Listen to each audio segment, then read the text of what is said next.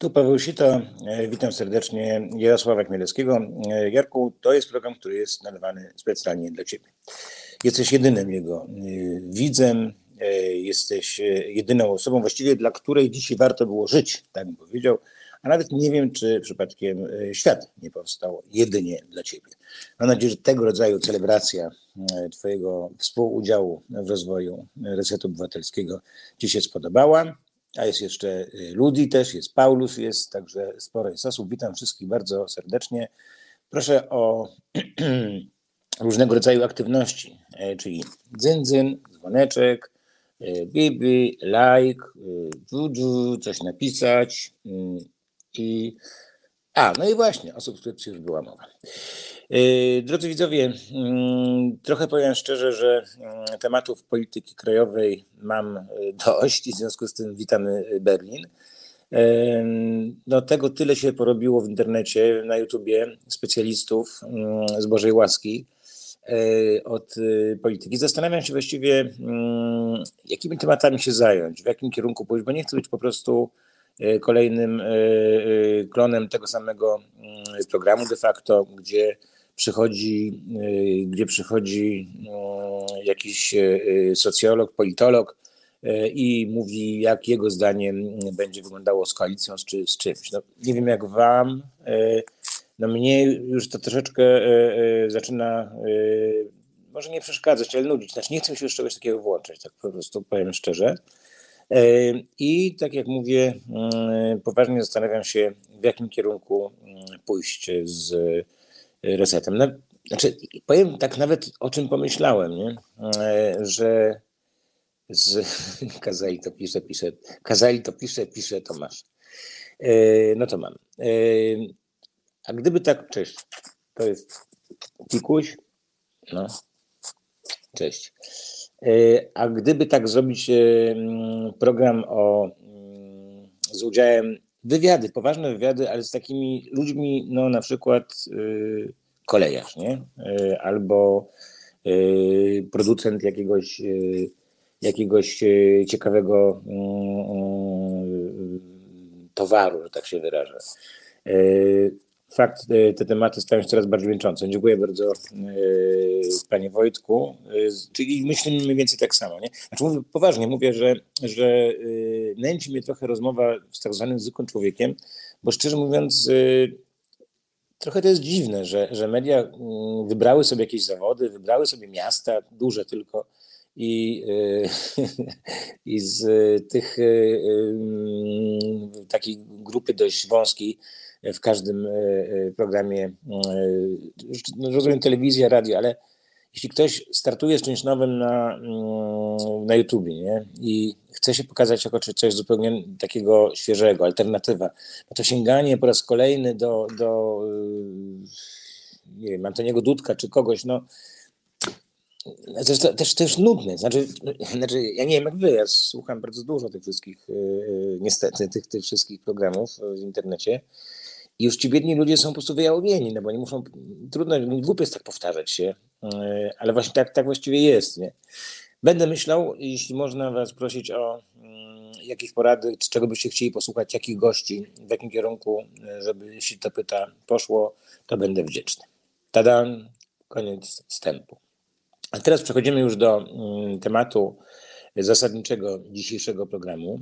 E, będzie nim będzie nauka ekologii i nauce. No właśnie, ta nauka też jest kręcąca, to się, to się zgadza, a ekologia też szczerze, tak prawdziwie pokazana, mm, a nie mm, całkowicie na nie albo całkowicie na tak, czyli szukanie jakichś takich meandrów, mm, też, byłoby też to byłoby dobre.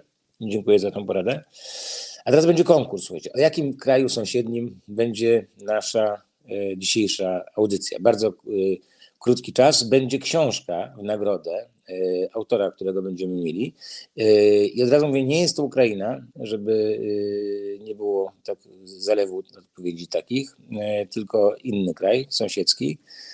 I o nim będziemy dzisiaj mówić. No, jak sądzicie, jaki kraj tematem?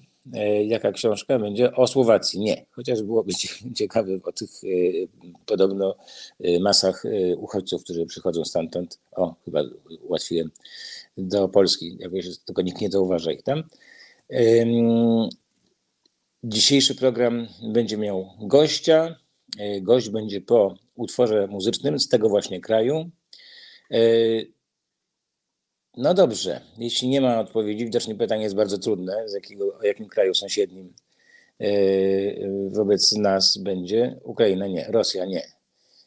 No jeszcze poczekam, jeszcze poczekam. Białoruś, brawo. E, Rafał Jakubiszyn. Panie Rafale, prosimy jakoś odezwać się do nas mm, z adresem, z namiarem i książkę wyślemy. No to teraz posłuchajcie, żeby, żeby się nam nie wydawało, że Białoruś to jest tylko takie, no, jakby to powiedzieć, y, y, tańce ludowe i w ogóle, nie? I takie bardzo wschodnie, to na przykład taka muzyka gra w tamtym kraju.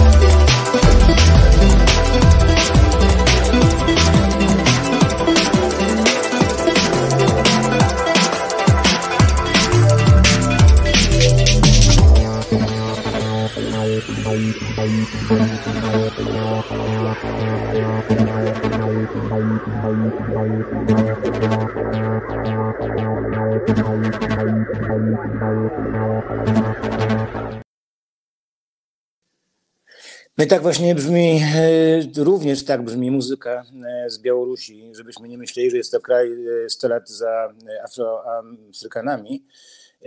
I mm, cieszę się, że, że mogłem właśnie, że właśnie mogłem za, podać kawałek akurat, który i podobał mi się mm, z tego powodu, że jest właśnie z Białorusi, a jednocześnie dlatego, że jest w moim ulubionym gatunku drum and bass chociaż brzmiał taki, można powiedzieć, e, można powiedzieć, e, e, lata 80. się kojarzą panu Anatolowi, a mi się kojarzy trochę, wiecie, z czym? Z tym, z Archiwum Mix w, w nowej wersji.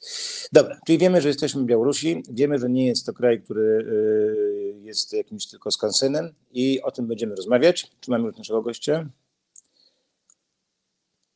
O, witam cię Witku tylko coś masz na twarzy, jakąś maskę. Ok, cześć Witek.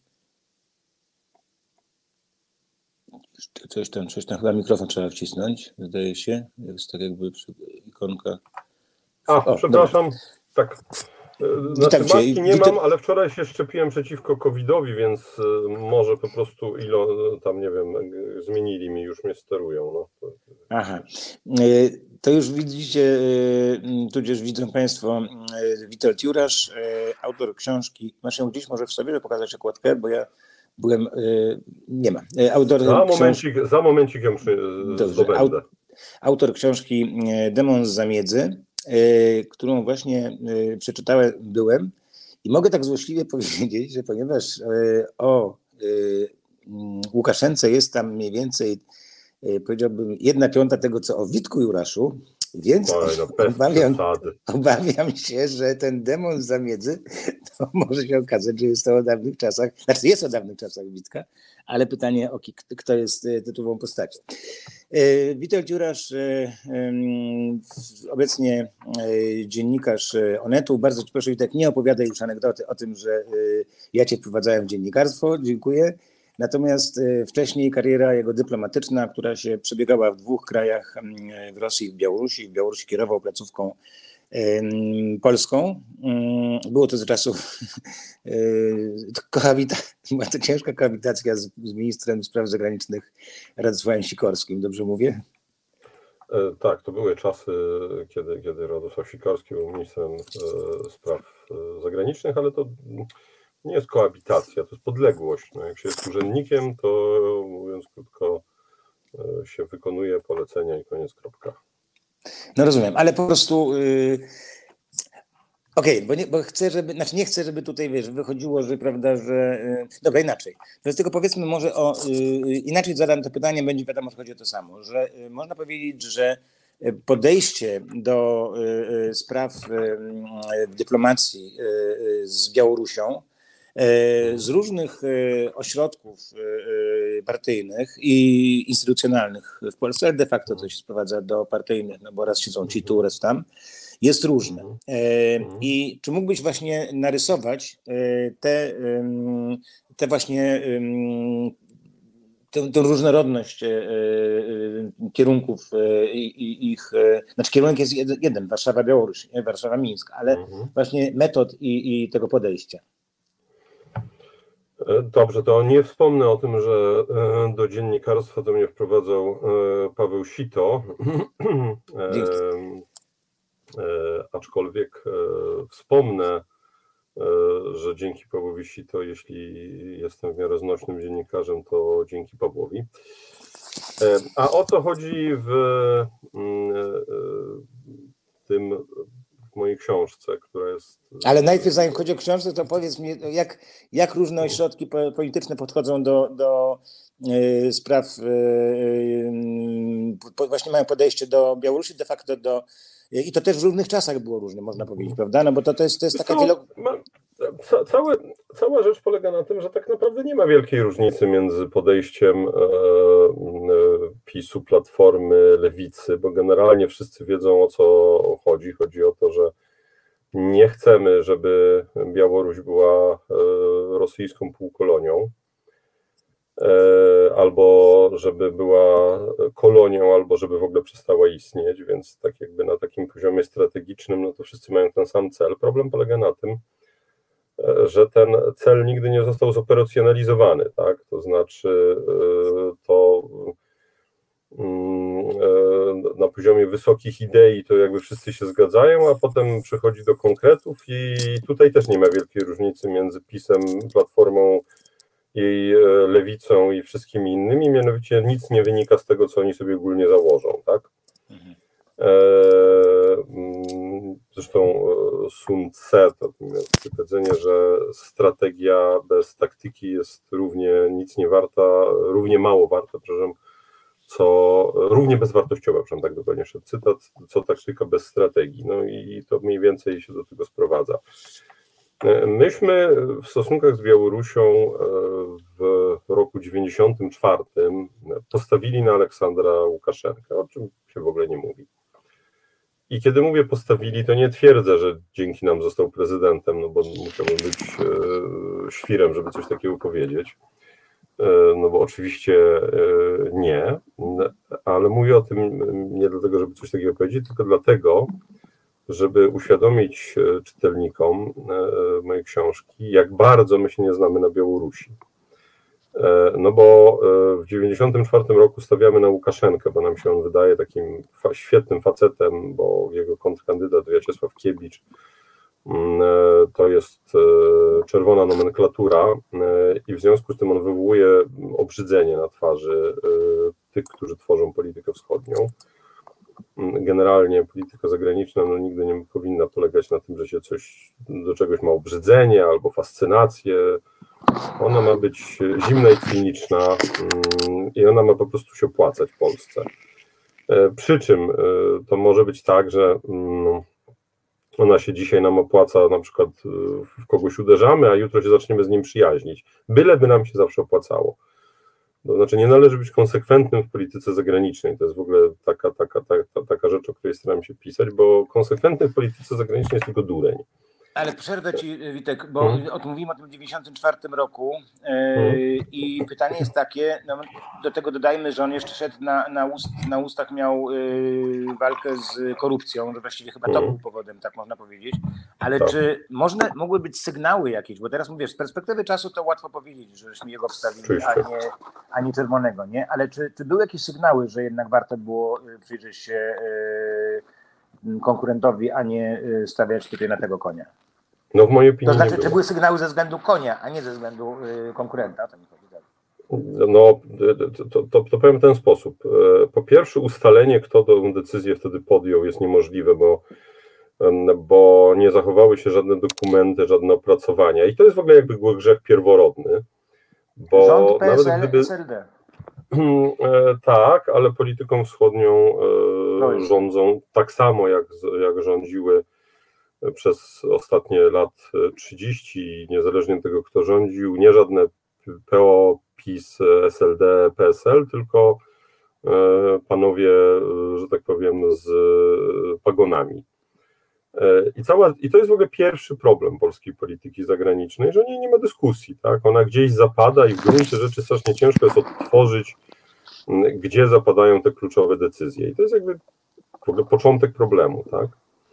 E, natomiast czy były przesłanki? No, przesłanki były e, następujące, mianowicie, że no, on jest taki inny E, a Kiebicz no to doprowadzi do oligarchizacji państwa. Oligarchizacja państwa to jest coś złego. No, tylko problem polega na tym, że to mm, e, też nie jest prawda, dlatego że e, gdyby alternatywą w stosunku do oligarchizacji było wpuszczenie obcego kapitału, tak jak to zrobiono w Polsce, prawda?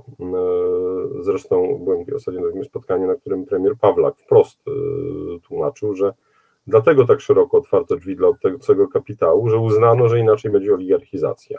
No ale nie było takiej alternatywy na Białorusi. E, mm, e, a oligarchizacja ma swoje wady, to wiemy z Ukrainy, ale ma też swoje zalety. I to, to też, wiemy z Ukrainy. Ukrainy. I to też wiemy z Ukrainy. Dokładnie, dlatego że ci oligarchowie mm, e, no jednak nie pozwalają Janukowyczowi stać się dyktatorem, chociaż on próbuje. No i wreszcie oni stają po stronie Ukrainy w 2014 i w 2022 roku, chociaż większe znaczenie ma jakby to, co oni robią w 2014. Mm, więc, e, no i kolejna sprawa, my wiemy, e, że ci, którzy podejmowali decyzje w 1994 roku, wiedzieli, że Łukaszenka jest e, no, takim potencjalnym dyktatorem. On już ma tendencję do do przemocy. Wiemy o tym, że jako dyrektor sowchozu tłucze ludzi po, po, po, no tak. po twarzy, e, że jest jakby tutaj z lewicowego powiedzieć przemocowcem. E, więc jakby no nie mamy jakichś pozytywnych sygnałów na jego temat. E, no później, kiedy dochodzi do władzy, to go przez lata próbujemy obalić, ale robimy mniej więcej dostatecznie dużo, żeby go przekonać, że go chcemy obalić, a niedostatecznie dużo, żeby go obalić. I też pamiętajmy nawet... jeszcze, że wtedy hmm. na, y, sąsiadami, y, znaczy Rosją rządzi nie Putin, tylko y, liberalne z naszego punktu widzenia rządy Jelcyna, tak? Więc, więc po prostu też nie było czegoś takiego, że głowa państwa białoruskiego musi być jakimś między nami tutaj buforem i tak dalej. Nie było chyba takiego myślenia, jeśli dobrze By, pamiętam tamte czasy. Nie, Paweł, Paweł, było i przy okazji, wiesz, to jest kolejny mit na temat wschodu. Okej, okay, obal, obal ten mit. No, ten mit jest bardzo łatwo obalić, to znaczy wystarczy przeczytać e, przemówienia mm, Andrzeja Kozyriewa, mm, Słynnego. szefa dyplomacji e, rosyjskiej w tym takim początkowym okresie. Widać sprzeciw wobec NATO, widać e, próbę rekonkwisty przestrzeni postsowieckiej już wówczas. Jelcyn nie jest żadnym demokratą, Jelcyn jest dobrym carem, tak? Zresztą mhm. w ogóle ja nie wiem, czy takim jakby grzechem pierworodnym e, Zachodu, naszym, nie było to, że myśmy tak się bardzo cieszyli, jak on rozstrzelał parlament.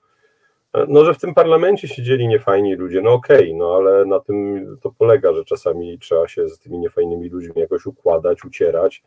No ale przyszedł, prawda, car, wziął, rozstrzelał parlament, a my będziemy, no super, to jest bardzo demokratyczne. No, e, no Później już jakby mm, Władimir Władimirowicz y, Putin jakby wszedł w buty y, Jelcyna, tylko przestał być dobrym carem, a cała zmiana w Rosji nastąpi jak będzie prezydent, a nie car.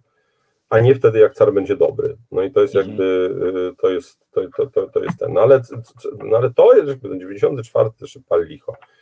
No ale jakby, no, jaki jest sens przekonania kogoś, no to jest tak jakbym, wiesz, no kopiesz kogoś w ciemnej uliczce po kostkach.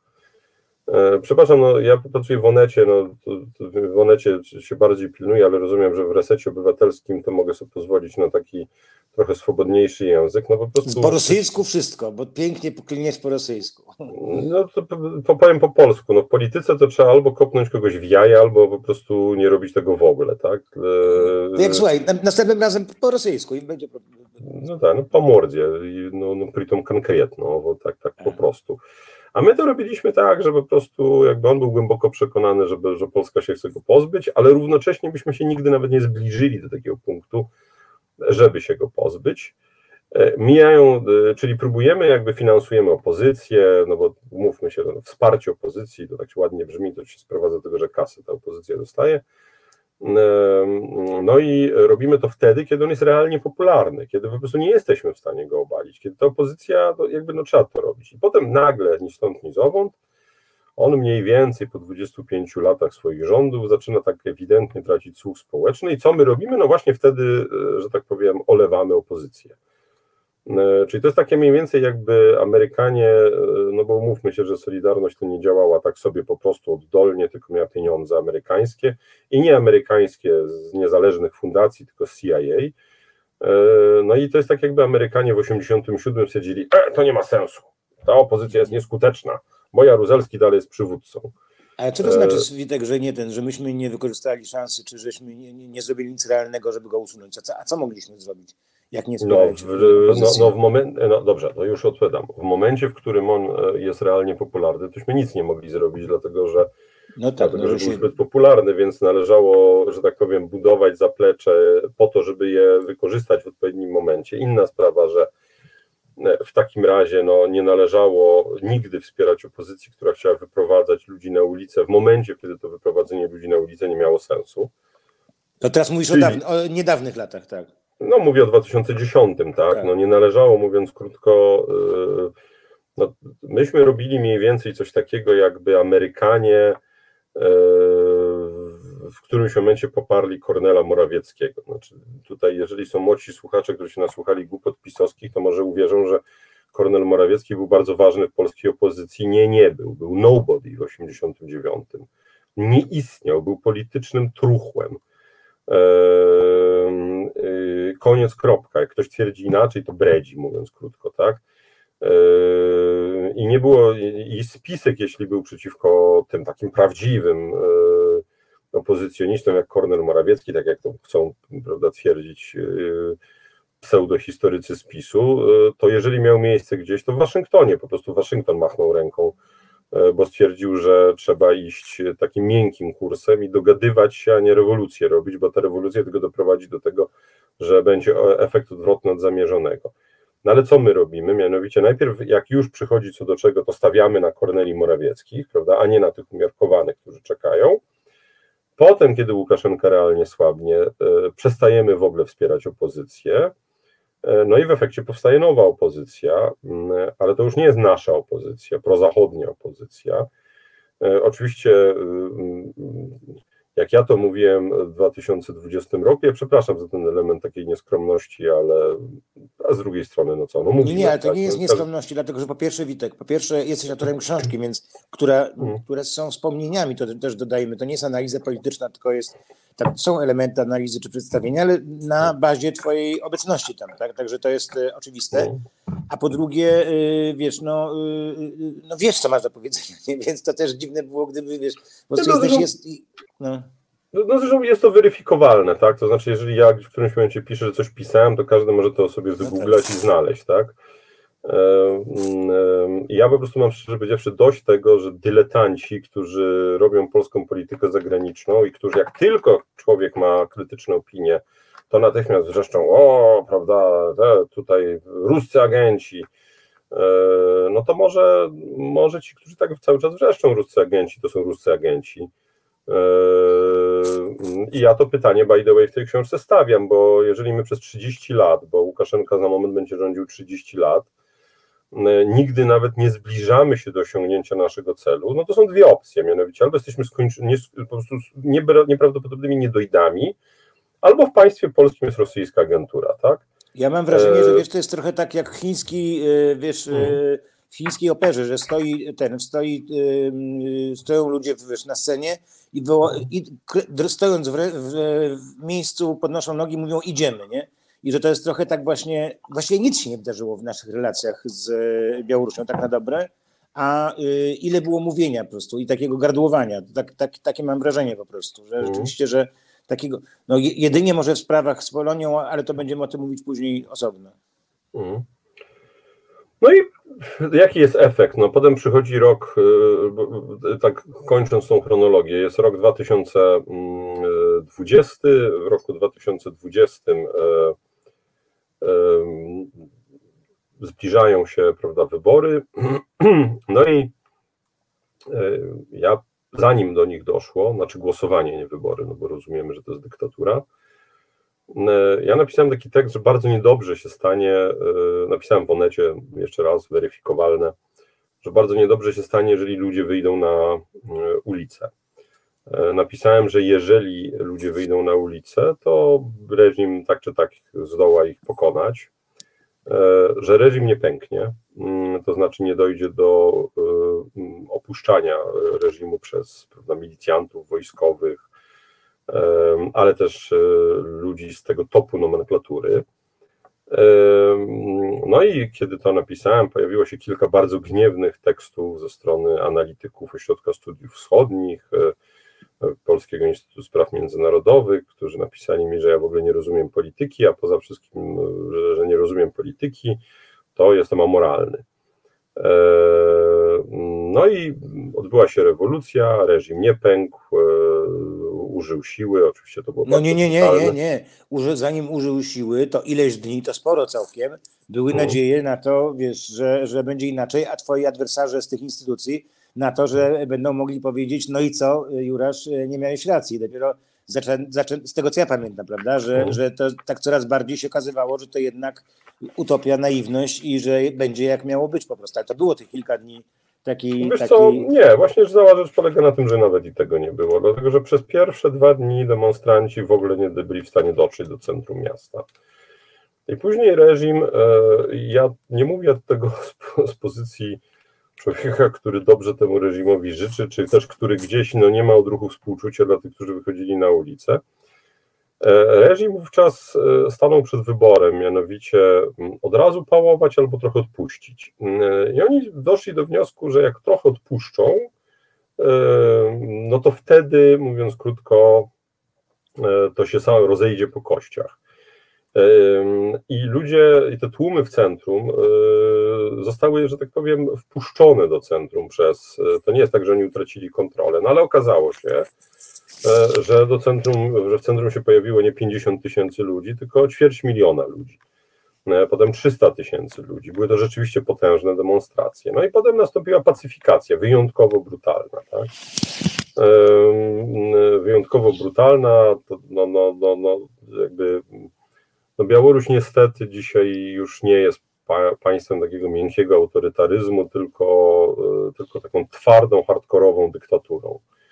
E, no tyle, że e, skoro jest hardkorową dyktaturą, no to Łukaszenka dzisiaj już nie ma żadnego pola, nie miał, przepraszam, mówię jeszcze między 2020 a 2022.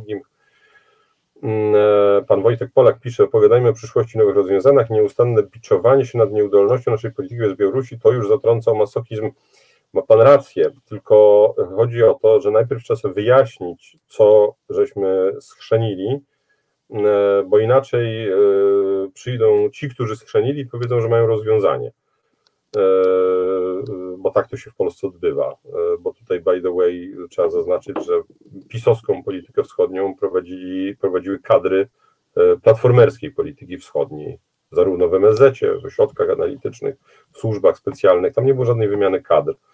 E, żadnej rewolucji kadrowej, żadnej czystki. To byli dokładnie ci sami ludzie, więc pierniczyli to samo, to wszystko dokładnie tak samo.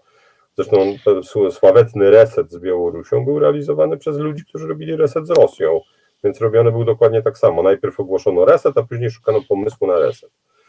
Mm, e, no, no czyli, czyli, czyli, ja się zgadzam z panem Wojtkiem, rzeczywiście może, wiesz, może mniej więcej wiemy po prostu na czym stoimy, czy po prostu... Yy... Nie, nie Paweł, nie wiemy, nie Paweł, nie wiemy. Ty wiesz, ja wiem, yy, nasi słuchacze pewnie wiedzą, a możemy się, ja mogę z tobą przyjąć zakłady, że za trzy miesiące dowiemy się, że po prostu masz dokładnie to samo, E, masz tych samych ludzi, nikt nikogo nie rozliczy, bo w Polsce się nie rozlicza z błędów po prostu. Nie, no właśnie dlatego mówię o tym, że jak jest, no to już mamy ogląd sytuacji, ale jest teraz moment historyczny taki, że e, nowy rząd e, Mateusza Morawieckiego ha, ha, to był żart, e, że rząd e, e, Donalda Tuska no, będzie musiał w tej, w tej sprawie, choćby w orędziu, jakąś, może nie szczegółowo w orędziu, ale no, w, w jakichś założeniach polityki międzynarodowej, coś napisać. No i to pytanie, czy to będzie rzeczywiście znowu to samo i znowu przez tych samych ludzi. I, ale, Paweł, ale dzisiaj ja, ja mam w ogóle pewien problem z tym, żeby mieć w ogóle oczekiwania dzisiaj w stosunku do rządu i to niezależnie jaki to, rząd by był, rząd coś działa na Białorusi, dlatego że to jest po prostu najprawdopodobniej too late. To znaczy dzisiaj Białoruś jest już twardą dyktaturą. No gdybyśmy rozmawiali 10 lat temu, to ja bym y, był w stanie zarysować pozytywny program, tak? To znaczy robimy stypendia, dajemy te stypendia urzędnikom reżimu, takie Fulbrighty im dajemy, prawda? No tyle, że z tymi Fulbrightami jest w ogóle pewien problem, mianowicie mm, e, trzeba by je dawać nie opozycjonistom, a ludziom reżimu, no bo Amerykanie komu dawali te Fulbrighty? E, koniec końców, tak? No tak, no Dariusz Rosati, znaczy no, no różnie, między, ale między innymi to pokolenie 84 partyjne, o którym tak, mówiła Tak, dokładnie, to byli ludzie, to by, to i, i, i, i, i to swoją drogą dokładnie dało efekty takie, jak Amerykanie założyli, to znaczy ci ludzie w kluczowym momencie po prostu stwierdzi, dobra, no już mamy tego systemu jakby ok. Tylko, że jak sobie przypomnisz te twarze, tak, spróbuj sobie na moment, albo Państwa bym prosił, żebyście sobie tak zwizualizowali e, twarze, nie wiem, Jerzego Jaskierni, e, pana ministra Rosatiego e, i innych czołowych prawda, działaczy młodzieżowych, chciałoby się powiedzieć, lat 80., to to są generalnie inteligenckie twarze, prawda? Zresztą jak sobie tak zwizualizować twarze, ja często takiego porównania dokonuję, że mm, PRL późny y, i bezpieka PRL-owska późna, no to są takie, prawda, twarze takich ludzi po SGP-ie albo po uniwersytecie, bo przecież też było wielu, którzy no, kończyli te, kierowano ich tam, gdzie było dużo też opozycji, historia, socjologia i takie te kierunki, które były modne wśród, wśród opozycyjnej młodzieży, tak. Jak spojrzeć trochę wcześniej na e, twarze ubeków, były kiedyś takie wystawy robione przez IPN, no to mamy takie czerstwe, robotniczo-chłopskie twarze, które no, wskazują, że to nie są ludzie od jakiegoś dialogu, przechodzenia na drugą stronę, tylko są raczej specjaliści od podtapiania i wyrywania paznokci. Tak. I w momencie, kiedy e, jakby twarze reżimu PRL-owskiego ewoluują z tych takich e, ubeckich e, twarzy do tych takich już inteligenckich, bezwzględnych oczywiście, ale jednak inteligenckich, to znaczy, że jest nadzieja na to, że, że coś się zmieni. Na Białorusi aż do 2020 roku mieliśmy dokładnie taką ewolucję, to znaczy w 2018, 2019, ale też 10, 12 wokół Łukaszenki jest bardzo wielu świetnie wykształconych 40-latków, mówiących płynnie e, po angielsku, po niemiecku, po zachodnich uniwersytetach, a jeżeli spojrzeć dzisiaj na otoczenie Łukaszenki, no to mamy gęby ubeków. Aha, czyli w drugą stronę. Czyli poszło w drugą stronę. I z tymi tak. ludźmi nie ma o czym rozmawiać, nie ma jak, mówiąc krótko. W związku z tym ja, mm, prawdę powiedziawszy, ja oczywiście trzeba próbować grać, no Ukraińcy dowodzą tego, że prawda, oni nawet w tej sytuacji rozmawiają, no bo też grają o życie, w związku z tym oni, oni nie mają wyjścia. Zresztą no jakby mogę nawet wskazać konkretnie ten moment, kiedy widać, że ta rozmowa się toczy. Mm, e, no ale to jest taka gra, już powiedziałbym, to jest taki endgame, taki, taki mm, no, no, nie damy nikomu żadnego stypendium, bo nikt do nas nie przyjedzie, nikt w ogóle z nami nie chce rozmawiać. No to jest de facto już dzisiaj e, Rosja.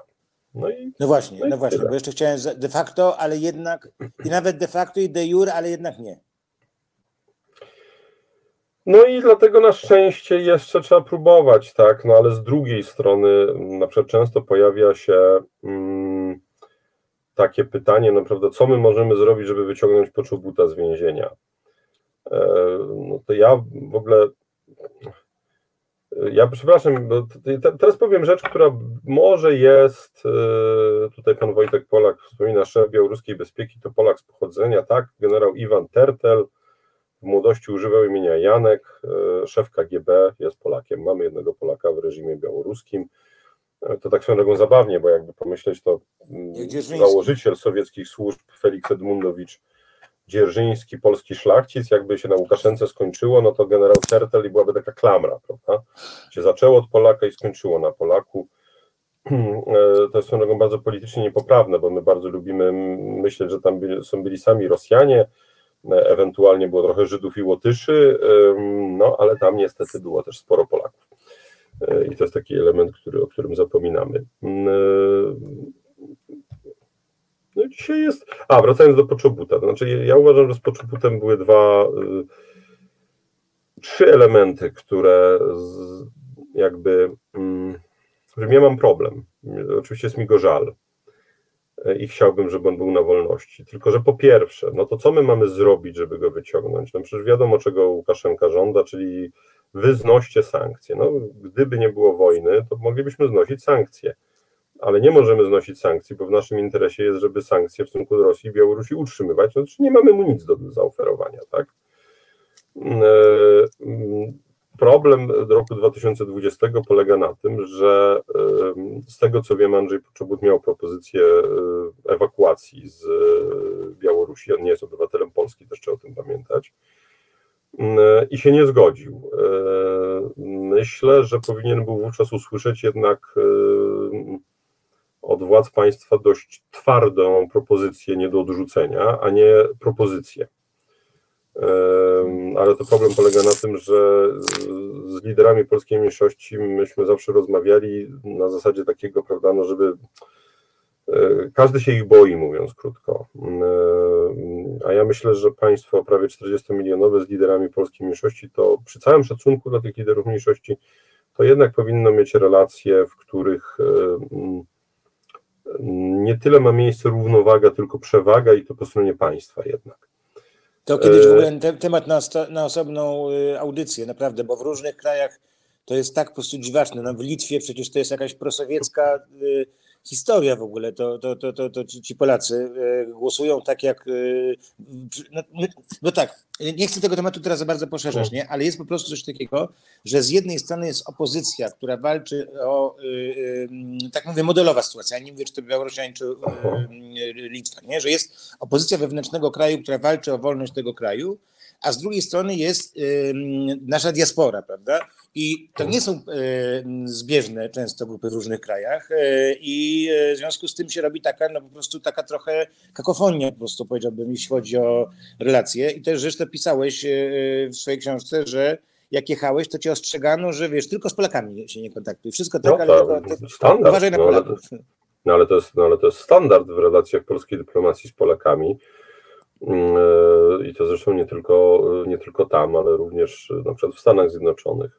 E, ale e, Paweł, ty jesteś kilka lat ode mnie starszy. Powiedz mi, czy ty jesteś w stanie mi przypomnieć liderów NSZZ Solidarność niemieckiego pochodzenia? Kroll chyba. Ale nie, okay. on był, nie, nie, on nie był Solidarny. Znaczy jestem, no w, sta- bo jestem w stanie sobie przypomnieć no, takie duże nazwisko opozycji. Nie, jedynego lidera, którego sobie przypominam, z, który mówił, że jest e, obcego pochodzenia, to jest e, z Ukrainy ten. E, no, mm, no zapomniałem, ale... oczywiście czyta, no, czytałem, co piszesz, co mówisz teraz i się zgadzam, że po prostu. No dobrze, to, to wyjaśnijmy. Chodzi o to, że mi się wiele lat temu taki mój przyszywany wujek świętej pamięci arcybiskup Marian Oleś, wieloletni nuncjusz apostolski, tłumaczył dlaczego on jako nuncjusz w Kazachstanie, Turkmenistanie, Tadżykistanie i Uzbekistanie był przeciwny ściąganiu polskich księży. I użył następującego wyrażenia. Powiedział, że w matematyce dwa minusy dają plus, a w polityce są podwójnym minusem. I że ksiądz katolicki to już jest źle na wschodzie, a jeszcze Polak to już jest podwójnie źle. E, otóż bycie liderem polskiej mniejszości to jest już ryzykowne. Bycie równocześnie działaczem opozycji to jest jeszcze podwójnie e, nieszczęśliwe rozwiązanie.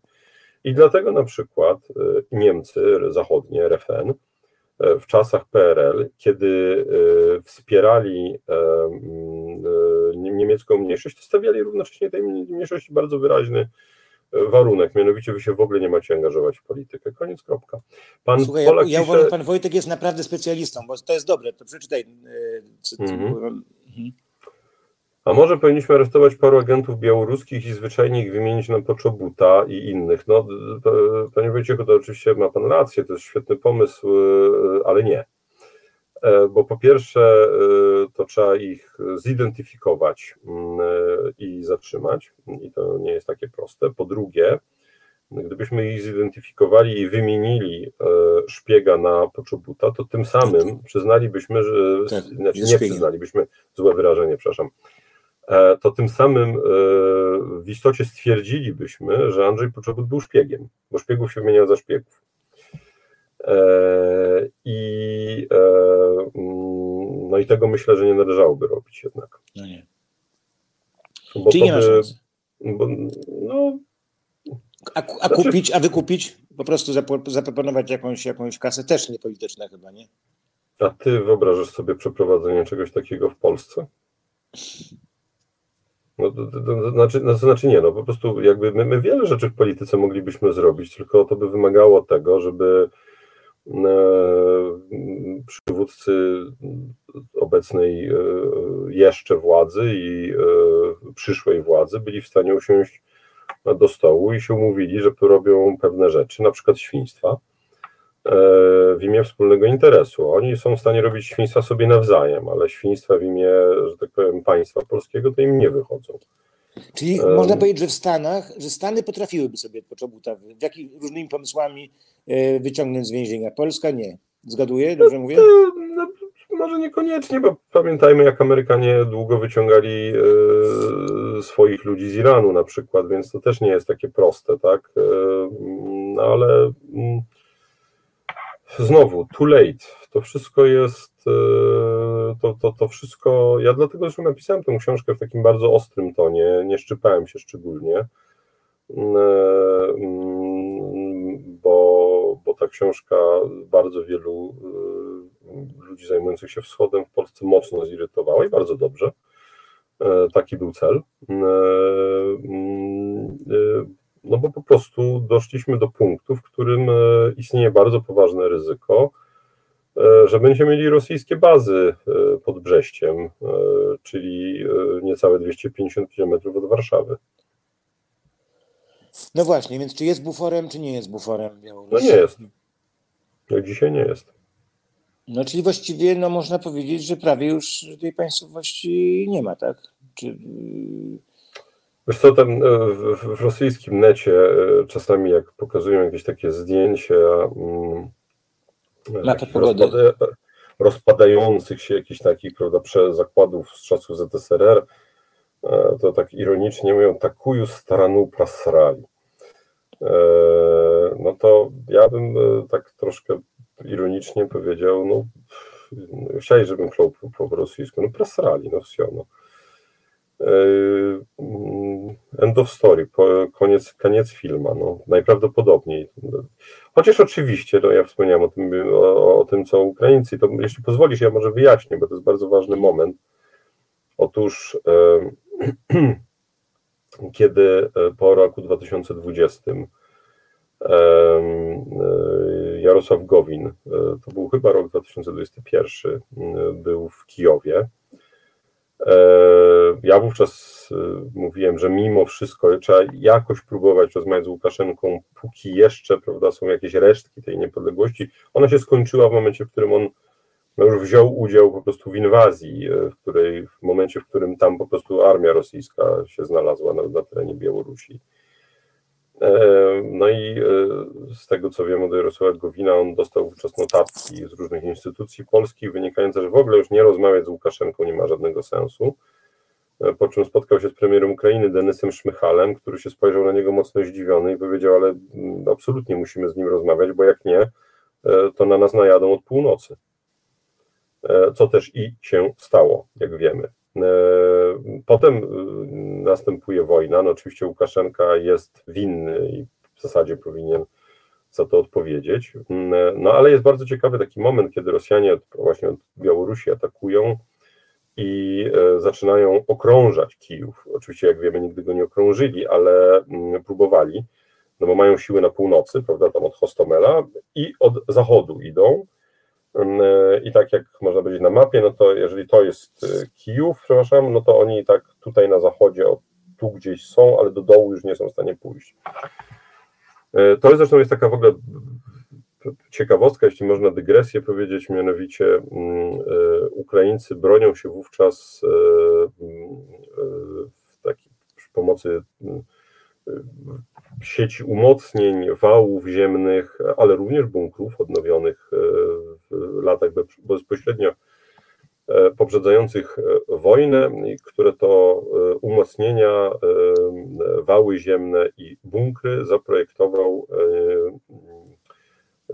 pułkownik armii carskiej Karl Gustav Mannerheim późniejszy e, marszałek e, fiński, który, jak wiemy, pokonał e, Sowietów, to znaczy nie pokonał, nie dał się pokonać Sowietom w czasie wojny zimowej, więc można powiedzieć, że Moskale dwa razy dostali łomot od Mannerheima, raz w 1939, a drugi raz w 2022. To jest w ogóle przepiękna perwersja, prawda, że, że ten Mannerheim, ostatecznie oficer E, carskiej armii wcześniej, e, jakby dwa, dwa razy tak. się Rosjanom dał e, we znaki. Mm, no ale Ukraińcy trzymają dwie brygady u styku granic Ukrainy, Polski, Białorusi. I nie mogą ich przerzucić pod Kijów, dlatego że po białoruskiej stronie granicy z kolei są siły Łukaszenki. I to jest mniej więcej chyba piąty czy szósty dzień wojny, jeśli dobrze pamiętam. I nagle Łukaszenka wycofuje te siły E, co oczywiście zluzowuje e, siły ukraińskie, no bo e, zwiat satelitarny, którym Ukraińcy dysponują dzięki Amerykanom, czy może nie dysponują, ale mają informacje ze zwiadu satelitarnego, pozwalają im zweryfikować, że te siły zostały wycofane, a nie jedynie, że udają, że zostają wycofane. I wówczas te dwie brygady przerzucają pod Kijów i uderzają na Rosjan od zachodu, nie od Kijowa, od zachodu. I to jest w ogóle taki fascynujący moment tej wojny, mm, bo wszystko na to wskazuje, A ukraińscy politycy pytani o to nigdy nie udzielają odpowiedzi, czyli udzielają odpowiedź, że był jakiś kontakt ukraińsko-białoruski. Bo jak mnie czasami ludzie pytają, czy Łukaszenka to już jest taki trup polityczny zupełny, no to ja zawsze odpowiadam, że e, Łukaszenka to jest taki typ faceta, że jak go Putin do trumny wyłoży politycznej, to on jeszcze będzie warunki pogrzebu negocjował. Yy, więc on zawsze będzie, no, no, tylko, że jakby no to pole jego manewru no jest no, Już to no, dobrze, dobre, dobre powiedzonko, no bo to jest, prawda jest taka, że on potrafi być twardy i tak dalej, ale tam wtedy, kiedy chodzi o niego po prostu, prawda? Albo o jakiś aspekt e, Białorusi, gdzie chodzi także o niego. A... No i tu dochodzimy do w ogóle absolutnego clue sprawy. Istotą mojego sporu z większością polskiego środowiska eksperckiego, czy też raczej nie sporu, bo ja nie mam pretensji o to, że nie wiem, miałem jakąś opinię, ktoś miał inną, przegrałem, Jezus Maria, no, no big deal, no, czasami się zdarza, ma się rację, nie ma się racji, czasem się ma rację i, i się, i, i się nie zdoła przekonać do swoich racji, nie mam z tym żadnego problemu. Ja mam problem z tym, że nikt nie chciał rozmawiać. E, I za to, że nie chciano rozmawiać, za to, że w sprawie tak kluczowej dla bezpieczeństwa Polski, stosowano zasadę, że jak ktoś ma opinię inną od tej obowiązującej, to należy go wykasować z debaty publicznej. Za to bym wyrzucił tych, którzy co to odpowiadają, na za przeproszeniem na zbity pysk. E, I absolutnie bezwzględnie, po prostu, koniec, kropka. Za to musi być odpowiedzialność, bo nie ma innej metody do dochodzenia do prawdy niż dyskusja. Jak ktoś tego nie rozumie, to jest tępym komuchem po prostu i należy go wyrzucić i się z nim pożegnać, choćby był największym antykomunistą. Cała rzecz polega na tym, że większość tych, którzy zajmowali się polityką wschodnią przez te ostatnie lata, mówiła, im, im węższe będzie miał pole e, manewru Łukaszenka, tym szybciej się go obali, a dla nas dobrze by było, żeby go obalić. Znaczy, dla jasności. E, tak fajnie byłoby go e, obalić. E, fajnie byłoby, żeby Białoruś była prozachodnia, demokratyczna, tyle że zanim poznałem moją żonę, to ja na przykład zawsze uważałem, że Klaudia Schiffer jest najpiękniejszą kobietą na świecie i nawet kiedyś byłem 50 metrów od niej. To jeszcze nie znaczy, że miałem szansę, że ona mnie dostrzegła. No mówiąc krótko, znaj proporcje mociumpanie, wiedz gdzie jesteś, wiedz na co masz szansę, a na co szansy nie masz. Koniec, kropka. Alternatywą w stosunku do tej Białorusi, która istniała niedemokratycznej, niesuwerennej, niefajnej, takiej śmakiowakiej, obiektywnie mającej kupę wad. Była Białoruś taka, którą mamy dzisiaj, czyli całkowicie niesuwerenna lub prawie całkowicie, może tak powiedzmy, zostawmy tam te 5%, prawie całkowicie podległa Rosji i będąca zapleczem rosyjskiej armii. Taka była alternatywa. Tylko nikt tego nie chciał przyjąć do wiadomości. I w mojej opinii za to należy ludzi rozliczyć. I dla jasności, Paweł, że, i to przepraszam, że to powiem, bo to ilekroć się coś takiego mówię, to zawsze się pojawia jakiś hejterski komentarz, no bo najlepiej wiesz, jak cię krytykują w Polsce, to nie powiedzą, że pan nie ma racji w tym, w tym i w tamtym, tylko powiedzą, a to jest łysy. Eee, no, no więc ja z kolei spotykam się z takim, no bo Jurasz to prawda, on tylko marzy, żeby wrócić do tego MSZ-u, prawda, i to jest w ogóle szczyt jego marzeń. No nie, no nie. Mhm. Bo po pierwsze, Dobra, bo, to... po pierwsze, bo mi się ani nie opłaca, znaczy nie odpowiada mi towarzystwo, nie odpowiada mi, że tak powiem, corporate culture i prawdę powiedziawszy, pieniądze mi też nie odpowiadają. W związku z Dobrze, tym, zostawmy już ten temat, zostawmy temat już z tego podejścia Polski do Białorusi. Uważam, że jest bardzo ważne żeby od tego zacząć, mimo że sporo żeśmy o tym rozmawiali, dlatego że y, jakie jest wiesz, podejście Polski do y, Izraela i Palestyny jest niezwykle ważną sprawą, ale umówmy się, że nie są naszymi sąsiadami, tak? Więc po prostu nie aż tak jak y, tutaj. No, trochę smuci mnie to, że nie przewidujesz w tym nowym otwarciu, że może ktoś coś tam przemyślał ale też prawda jest taka, że sytuacja już się tak zmieniła, że właściwie no, nie mamy ruchu, tylko musimy obserwować, co będzie się działo. Także e, tak to wygląda. E, teraz zadać takie pytanie, który, taki, tak, taki środkowy moment tego wywiadu. Który mhm. aspekt książki, no bo pytań mam dziesiątki, o wiesz, każda strona inne pytanie, nie? Ale który byś, nie wiem, chodzić teraz kilka miesięcy po napisaniu po głowie jakoś, że, że y, chciałbyś o nim powiedzieć? Mm, co, mm, ja opisuję tam, mm, no jest cały rozdział poświęcony katastrofie smoleńskiej. No tak, właśnie. Mhm. Polecam go. Bo wtedy tam właśnie byłeś w 10 roku w, w, w tak. Tak, ja polecam ten rozdział wszystkim e, wyznawcom e, teorii spiskowych PiSu e, w ramach, że tak powiem, terapii, ale polecam również ten rozdział wszystkim tym, którzy uważają, że w ogóle świetnie państwo polskie zadziałało. To jest rozdział, który się nie spodoba ani psychofanom jednej strony, ani psychofanom drugiej strony. No ale no ale jestem dziennikarzem i jakby nie, nie piszę to, co widziałem, a nie, a nie, a nie, a nie to, co powinienem zobaczyć, żeby się przypodobać tej czy innej y, grupie. No, no i... powiedzieć, że chłodno, chłodno pisałeś o tym, y, wiesz, y, kiedy stoisz przy zwłokach prezydenta, którego ktoś tam, wiesz, wyciera mu czoło, żeby przynajmniej on wyglądał lepiej. Ja ci nie mówię, że to jest żaden zarzut, że chłodno, nie? Tylko po prostu jest to tak napisane naprawdę no, no zawodowo można powiedzieć, ale domyślam się, no tego nie tylko się muszę domyślać, bo właśnie tam fragment jest, gdzie ambasadorowi polskiemu e, w Azerbejdżanie bodajże Krzysztofowi Krajewskiemu mówisz, co się stało, on nie dowierza, nie dowierza, a po prostu zaczyna później płakać, tak, dorośli ludzie, dyplomacja mm. i tak dalej, a mm. tutaj emocje są takie, a no, warto, to, trochę, to nawet reportażowy jest trochę ten tekst, powiem ci, wiesz? Tak no bo ja, bo ja, wiesz co, bo ja uważam, że my mamy największy problem ze Smoleńskim polega na tym, że my się poruszamy na osi pomiędzy dwoma kłamstwami, tak? to znaczy pomiędzy kłamstwem pisowskim e, mm, o, o Donaldzie Tusku, który e, pewnie tam ze Stingerem w ogóle stał albo bombę zainstalował. E, ja widziałem Donalda Tuska z bliska i, i to był człowiek w stanie mm, no, głębokiego wstrząsu.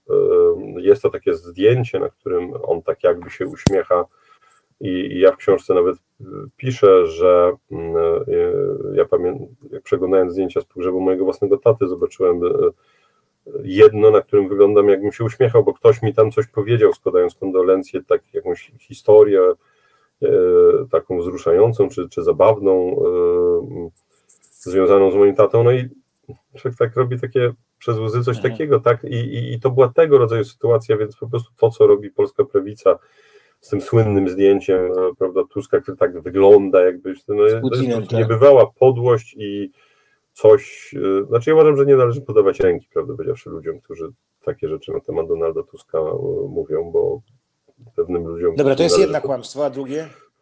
No ale drugie kłamstwo to jest takie, że no w ogóle generalnie to wszystko było ok, tak, to byliśmy profesjonalistami i po prostu wyszło jak wyszło, no samolot się rozbił, piloci byli winni, ale poza tym to wszystko zadziałało, no bo tak nie było. I e, obciąża ekipę e, Platformy Obywatelskiej e, to, że na przykład Putin przyleciał na miejsce katastrofy z prawnikami międzynarodowymi, a ekipa rządowa przyleciała e, z nadreprezentacją osób z Centrum Informacyjnego Rządu, które po prostu kamery ustawiały, za to prawników międzynarodowych, patomorfologów i tak dalej nie było. Mm, e, mm, że nie powstały żadne solidne analizy prawne, no i wreszcie, że żeśmy nie docisnęli, no wreszcie, że żeśmy nie skonstatowali, że żadnej dobrej woli ze strony Rosjan nie było, bo ja opisuję mm, e, hamstwo ze strony Rosjan w momencie katastrofy, bo, bo, bo, bo, bo to było tak po prostu. E, no i, e, no i tyle. No. E, ale, ale tam właśnie też no, różne te reakcje rosyjskie, bo na przykład gość, który mówi, że bardzo możliwe, że to władze zrobiły, czyli tak jakby no, już słyszysz, na, już słyszysz tam, wiesz, godzinę, tam ileś godzin po tym, że to może była e, robota e, Putina. Tak, że, że, że, że ja powiem Ci zupełnie uczciwie, ja, ja, ja akurat w to nie wierzę. Ja nie kupuję w koncepcji zamachowej. Wydaje, sądzę, że była to po prostu tragedia, że był to wypadek, ale uważam, że należało taką e, teorię rozpatrywać na równi z, z wszystkimi innymi hipotezami. E, należało e, twardo rozmawiać z Rosjanami. Tyle. No, Dobrze, i, no i jeszcze spytałeś mnie, Pawle, co, co jest jeszcze, mm, jaki fragment bym, na, na, na, na jaki fragment zwróciłbym uwagę, no to moi przyjaciele, znajomi, którzy tę książkę przeczytali, oni wszyscy są najbardziej tak naprawdę wstrząśnięci nie opisem Białorusi, polityki, ale polskiego MSZ-u. Eee, mm, mówiąc, że po prostu, e, to znaczy, nawet jeden z moich przyjaciół powiedział, który po przeczytaniu tego powiedział, ty mówi, ale wiesz co, ja ci teraz dopiero wierzę, że ty naprawdę tam nie chcesz wrócić, bo ty żeś takie rzeczy o tym napisał, że ty nie możesz tam wrócić, bo by cię zaciukali momentalnie. No ale poczekaj, jeśli mówimy o MSZ, to y, czy masz mniej więcej świadomość od y, dobrej zmiany od y, y roku 15, y, y, od stanu w roku 15 MSZ-u do dzisiaj, ile procent tego ministerstwa czy całego tego sektora wymieciono? Niewielki procent. Niewielki procent? Oczywiście, że tak. No, oczywiście, że tak. To jest, to, jest, to, jest, to jest w ogóle kolejny mit. Mm, e, mm, zdecydowana większość kadry jest dokładnie ta sama, e, poprzesuwaną. Byli no oczywiście na stanowiskach wiceministrów, e, no to wiadomo, prawda, kto był. Inna sprawa, że ta rozpacz, czyli wiceministrowie, którzy nie byli w życiu na żadnej placówce dyplomatycznej, to się nie zaczęła za PiSu, bo ona się zaczęła za Platformy Obywatelskiej. Był taki moment za czasów ministrowania Radka Sikorskiego, że nie mieliśmy nawet jednego wiceministra, który miałby doświadczenie na jakiejkolwiek placówce. Poza wszystkim, co tak zupełnie uczciwie, to ja nie do końca wiem, po co jest polskie MSZ dzisiaj, bo polskie MSZ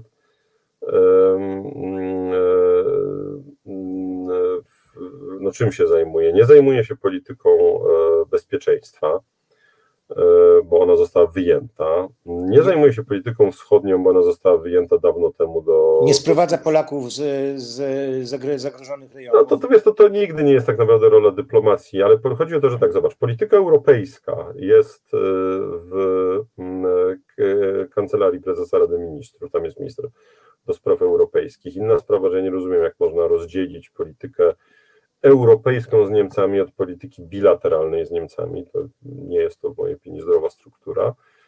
E, no i e, polityka amerykańska była e, u prezydenta, więc tak zupełnie uczciwie przeczytałem gdzieś kiedyś komentarz jednej z jednego z komentatorów polskiej polityki, który się dziwił, że e, Władysław Kosiniak-Kamysz e, ewentualnie ma zostać ministrem obrony narodowej, a nie ministrem spraw zagranicznych, e, mm, no, że to błęd, błąd z jego strony. No, w sensie shake handów MSZ jest rzeczywiście dobry, można się sfotografować z prezydentami, no i jeżeli by Władysław Kosiniak-Kamysz chciał kandydować ponownie na prezydenta, to pewnie, a ja miałbym mu doradzać, to pewnie powiedziałbym mu, żeby brał MSZ, no bo trochę photo opportunity będzie miał.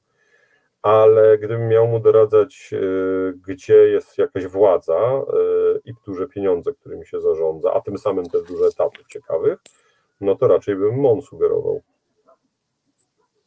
To ciekawe też to, co mówisz o y, tym y, w tym rozdziale na. To różnie bywało w różnych układach rządowych, ale generalnie w, w rządach PiSu e, często się zdarzało, że był osobny urząd do spraw europejskich, a osobny w ogóle gdzie w innym pionie MSZ, że trochę to przeczyło właśnie teorii Y, Kaczyńskiego, że y, Unia Europejska to Niemcy, tak? Skoro Niemcy były wpuszczone do MSZ-u, a, a tutaj y, w innym, czy przy premierze, czy, czy w ogóle gdzieś jeszcze, jeszcze osobno. Natomiast no to żenujące jest, jeśli naprawdę w naszym kraju wiceministrowie, to wygląda jak cywilna, w cudzysłowie cywilna ta zwierzchność nad dyplomacją, tak? Jeśli byli ludzie. Ale, ale Paweł, po, po, pozwól, że ja jeszcze pociągnę ten wątek tej, tych kadr, bo wiesz, do mnie mm, w ciągu ostatnich dwóch tygodni zadzwoniło bardzo wielu takich panów e, ambasadorów, duże nazwiska, e, były rozmowy prywatne, więc nie, nie będę ich wymieniał. I te rozmowy mniej więcej wyglądały tak, że najpierw mówili tam dzień dobry, co słychać, później pytali, czy zamierzam coś w Onecie napisać o MSZ, ja mówiłem, że tak. I oni w tym momencie mówili, e, to niech pan koniecznie napisze o, i tutaj padało nazwisko kogoś, kogo nie lubią, że to straszna kanalia i się PiSowi wysługiwał. E, tylko problem polega na tym, że te nazwiska, które wymieniali, to akurat nie były tych, którzy się wysługiwali, tylko to były, były nazwiska tych, których ci faceci akurat nie lubili. E, no i teraz pytanie, czy jeżeli, e, bo, bo zobacz, są takie dwie rzeczy. Jeżeli PiS wrzucał ze stanowisk ludzi, zawodowców, prawda, no to był, że ojej, straszne rzeczy, to ich wyrzucił. Teraz z kolei, jak kogoś nie wyrzucił, to wszyscy mówią, on się wysługiwał, trzeba go wyrzucić. No to koniec końców, e, to dobrze, że wyrzucał, czy niedobrze, że wyrzucał, bo ja, bo ja nie rozumiem. No jeżeli ktoś jest ambasadorem w jakimś na przykład, nie wiem, kraju e, dowolnym, realizuje polską politykę zagraniczną, nie mam na myśli tych obsesjonackich, obsesyjnych chyba powinienem powiedzieć, e, elementów pisowskich, tylko na przykład siedzi sobie w jakimś afrykańskim kraju, stara się promować polski biznes, tak? Mm, e, no to koniec końców co, teraz go wyrzucamy? Bo się wysługiwał PiSowi? To wiesz, to tak jak z tymi dwoma generałami, którzy się podali do dymisji, to znaczy jak, jak, jak ich mianowano, to oni byli strasznymi pisowcami. No tak. Okropni, niedobrzy pisowcy. No Jak tak. się teraz podali do dymisji, to to są wybitni fachowcy, a ten, który no tak. przyszedł, to jest okropny pisowiec. No przecież to jest psychiatr. Znaczy nie, no była jeszcze taka sytuacja, to akurat fajnie generał Andrzejczak to rozegrał, bo bo wiesz, w międzyczasie dał wywiad y, amerykańskiej telewizji, mówię o generale Raymundzie Andrzejczaku, który po prostu zrobił wielkie wrażenie tam, tak? No nie wiem, może dlatego, że po, po angielsku tak świetnie mówił, ale... Tak, bo mówił w języku English. Aha, ja od razu tutaj zaznaczę, że y, mówiąc, y, mówiąc no tak potocznie, ja jestem dziadersem i jeszcze czasami powiem psychiatryk, tak się nie powinno mówić, więc przepraszam. Eee, no, nie wiem, chciałem powiedzieć szajba, ale to to samo, prawda? No, no jedziemy, no. Paranoja, no paranoja, tak? No, przepraszam, udzieliłem się polityczna poprawność, no.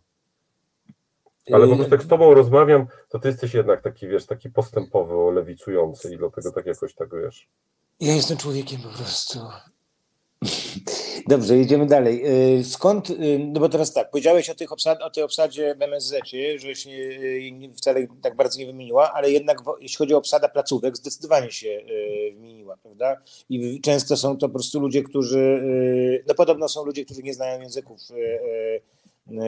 niekoniecznie nawet w kraju, w którym są, a nawet angielskiego, ale nie o język tutaj chodzi przecież, tylko o jakiś, nie wiem, no fachowość, o, o, o umiejętność po prostu grania. Yy, Ale to ja, proszę bardzo, no to ja mogę od razu jakby powiedzieć, no, mamy yy, byłego dyrektora generalnego, yy, dyrektora służby zagranicznej, pana Arkadego Żegockiego, nie jest co prawda na bardzo istotnej placówce, bo w Dublinie, w mojej opinii, powinien zostać natychmiast odwołany, choćby dlatego, że zhańbił się wyrzucaniem absolwentów MGIMO, bo sobie PiSu bzdurał, że jak ktoś skończył jeden uniwersytet, to na pewno jest niebezpieczny, bo to moskiewski, to, to trzeba go wyrzucić. Wyrzucili 27 ludzi w ramach takiej po prostu zupełnie jakiejś e, paranoicznej czystki, e, bo dla odmiany z innych moskiewskich uniwersytetów już nie wyrzucali, tylko z tego jednego, tak, dlatego, że się pani Gosiewskiej coś ubzdurało kiedyś, że, e, że Pomgimo to, to ruski agent, bo jak na przykład ktoś skończył Uniwersytet Warszawski, to na pewno nie jest, bo po prostu Rosjanie, jak słyszeli, że ktoś studiuje na Uniwersytecie Warszawskim, nigdy nie werbowali. No ktoś sobie brać, to jest szkoła agentów po prostu. No, Ale to, tak, to, no, no, no, dobrze, no, no. no mamy ambasadora na Węgrzech, który jest w ogóle jakimś człowiekiem, z, no przepraszam, ale no jest dowcipem, no, człowiekiem, który w ogóle nigdy w życiu się dyplomacją nie zajmował. A, no Mamy panią ambasador we Włoszech, panią Anders, która no, chyba nie do końca z tego co słyszę wie w ogóle na czym polega bycie ambasadorem. Ale mamy z kolei ambasadora e, w Stanach Zjednoczonych, e, Marka Magierowskiego, e, którego można lubić albo nie lubić, ale ja słyszę o nim raczej wyłącznie pozytywne opinie. No ale to wyjątek, to doskonale wiem, że to jest wyjątek. Okej, okay, no ale wiesz co, Problem polega na tym, że moglibyśmy teraz, wiesz, to jest jednak 100 nazwisk, moglibyśmy punkt po punkcie lecieć, tak? No, no dobrze, ale jak powinna według Ciebie wyglądać, my, my, my, przychodzi no, nowy, nowy minister spraw zagranicznych i to jest trochę, wiesz, no, taki żer, prawda, dla ludzi, że wiesz, że no, rządni krwi są po prostu, wiesz, rządni krwi w spółkach, rządni krwi są, mówię teraz o, o elektoracie. E, czy powinna być jakaś metoda, czy po, jak będzie, po pierwsze, jak powinno być, a po drugie, jak według Ciebie to będzie wyglądało, ta wymiana kadr? Bo też skąd, e, no skąd mają być te, te nowe kadry, skoro całe MSZ są to raczej nieciekawi ludzie, czy, zupełnie, czy nie, zupełnie... Nie, nie, nie, tak, tak, nie Dobrze, twierdzę. W MSZ jest więc bardzo... Jak to Wie, wielu ludzi mm, w MSZ to są fachowcy, tylko problem polega na tym, że od zawsze mm, e, jest tak, że jeżeli na przykład jest dobór na stanowiska wyższe, e, no ja pamiętam kiedyś jeden z dyrektorów, e, dyrektor generalny MSZ kiedyś jak mówi, no wie, słuchaj, ja nie mam kogo mianować, no, no to ja mu rzuciłem kilka nazwisk, ja mówię, a to ja ich nie znam. Ja mówię, no to weź ich w końcu poznaj, no masz jakichś naczelników wydziałów i tak dalej, ludzi pracujących tam od 30 lat, zawodowych dyplomatów, no to w końcu ich awansujcie. Tylko problem polega na tym, że każdy przegląda tylko swój notes. E, no pisowski notes był marniejszy niż może notes Geremka, aczkolwiek też powiedzmy, że późny e, mm, e, późny, późno platformerski notes to naprawdę nie miał nic wspólnego z notesem Geremka, to też sobie uczciwie powiedzmy. Jak to być powinno? No, szukam e, słów, e, które w elegancki sposób wyraziły to, co chcę powiedzieć, więc ujmę to w ten sposób. E, polityka zagraniczna to jest taka dziedzina, w której rządzący mają mieć elektorat w nosie. Mają po prostu realizować interes państwa. Jak elektorat ma wielką potrzebę, żeby sobie robić czystki, to niech sobie na Twitterze się wyżyje i spada na drzewo. E, tam, gdzie jest bezpieczeństwo państwa, tam e, rząd, obowiązkiem rządzących jest robić to, co trzeba. Witek, e... tak, ale tak, prawda jest taka, że media opozycyjne, czy Gazeta Wyborcza, czy TVN, czy, czy, czy hmm. y, akurat no ty jesteś jakby, no siedzisz w tematyce zagranicznej, więc w Onecie nie, ale w różnych innych miejscach dość y, czarno-biało to było pokazywane, że, przy, że wszyscy, cała jakby obsada pisowska, to jest po prostu są nieporozumienia. Może rzeczywiście ten jeden Marek Magierowski e, był, był e, pokazany jako, jako człowiek, jako wyjątek i y, ludzie po prostu, nawet możemy spytać widzów, wiesz, czy, czy, czy, czy, czy, czy inaczej patrzą. Ja, te, ja sam mówię o sobie, ja sam tak patrzę, wiesz, że słyszałem, że są sami tutaj hydraulicy, jak wiesz, jak drużyna z, z tego, z Malty grająca w piłkę nożną, nie? Sympatycznie może mniej, bardziej, ale no jeden jest ogrodnikiem, drugi jest, wiesz, hydraulikiem i grają w piłkę nożną. No, jest, tak znacznie, jest, jest, jest, jest, znaczy, wiesz co, jest gorzej, e, dlatego, że oni są niestety, Jarosław Kaczyński ma taką jakąś wyjątkową słabość, e, do profesorów. E, nie wiem, z czego to wynika, nie chcę się bawić w psychologizowanie, chociaż mam swoją teorię, że to chodzi o to, że on się nigdy nie czuł przyjęty na salony, w związku z tym, jak zobaczył profesora, to jakby to był jakiś taki erzac uznania. E, I jemu strasznie imponują e, profesorowie. A ja, prawdę powiedziawszy, w polskiej dyplomacji e, spotkałem kilku e, ludzi z tytułami naukowymi, którzy coś potrafili, ale znacznie częściej spotykałem tam ludzi, którzy nic nie potrafili. E, I powiedziałbym w ogóle w polskiej polityce tytuły naukowe częściej zwiastują wyjątkową głupotę niż cokolwiek innego. No dobrze, no jest trochę profesorów, ale gen, generalnie Witek, no nie zaprzeczysz mi, że jest to bardzo marny sort, że tak się wyrażę. Generalnie, jeśli chodzi o obsadę polskich placówek. General, ale ja przecież nie, ale ja nie twierdzę, że Dobra. nie, ale po prostu Teraz co sobie... z tym zrobimy? Co z tym robimy? E, Czekamy na końca kadencji, a tylko no, nie, no, no, no wiesz niektórych co, no masz, najbardziej no- skandalicznych wracamy do kraju? No nie da się odwołać ambasadora bez zgody prezydenta. Możemy oczywiście zrobić też techniczne rozwiązanie. E, mm, e, to można odwołać wszystkich ambasadorów i wysłać charge d'affaires. No tylko problem polega na tym, że no sam byłem charge d'affaires no w dość nietypowym kraju, tak, ale są takie, w których jak nie jesteś ambasadorem, tylko szarże, nawet jak ci dadzą tak tytuł ambasadora tytularnego, no to no nie jesteś tym ambasadorem, tak, to nie byłaby zdrowa sytuacja. E, sądzę, że należałoby zawrzeć jakiś zdrowy kompromis po prostu e, i e, pewnych ludzi odwołać, pewnych nie, ale no znowu przypominam, no na Białorusi, o której rozmawialiśmy, na przykład mamy charge d'affaires, bo nie mamy ambasadora, no i tym e, charge d'affaires, znakomitym z tego co słyszę, jest Marcin Wojciechowski, przecież wieloletni e, dziennikarz e, Gazety Wyborczej. Wyborczej. Tutaj, wiesz co, tu by the way, to kiedyś publicznie powiedziałem, ale powiem jeszcze raz, kiedy on jechał na, kiedy on był przymierzany do stanowiska ambasadora w Ukrainie, ja napisałem bardzo krytyczny tekst na ten temat, mówiąc, że to nie może być tak, że profani jeżdżą na ambasadorów, że to nie może być tak, że pierwsze, pierwsza placówka, pierwsze stanowisko w dyplomacji, e, ambasador.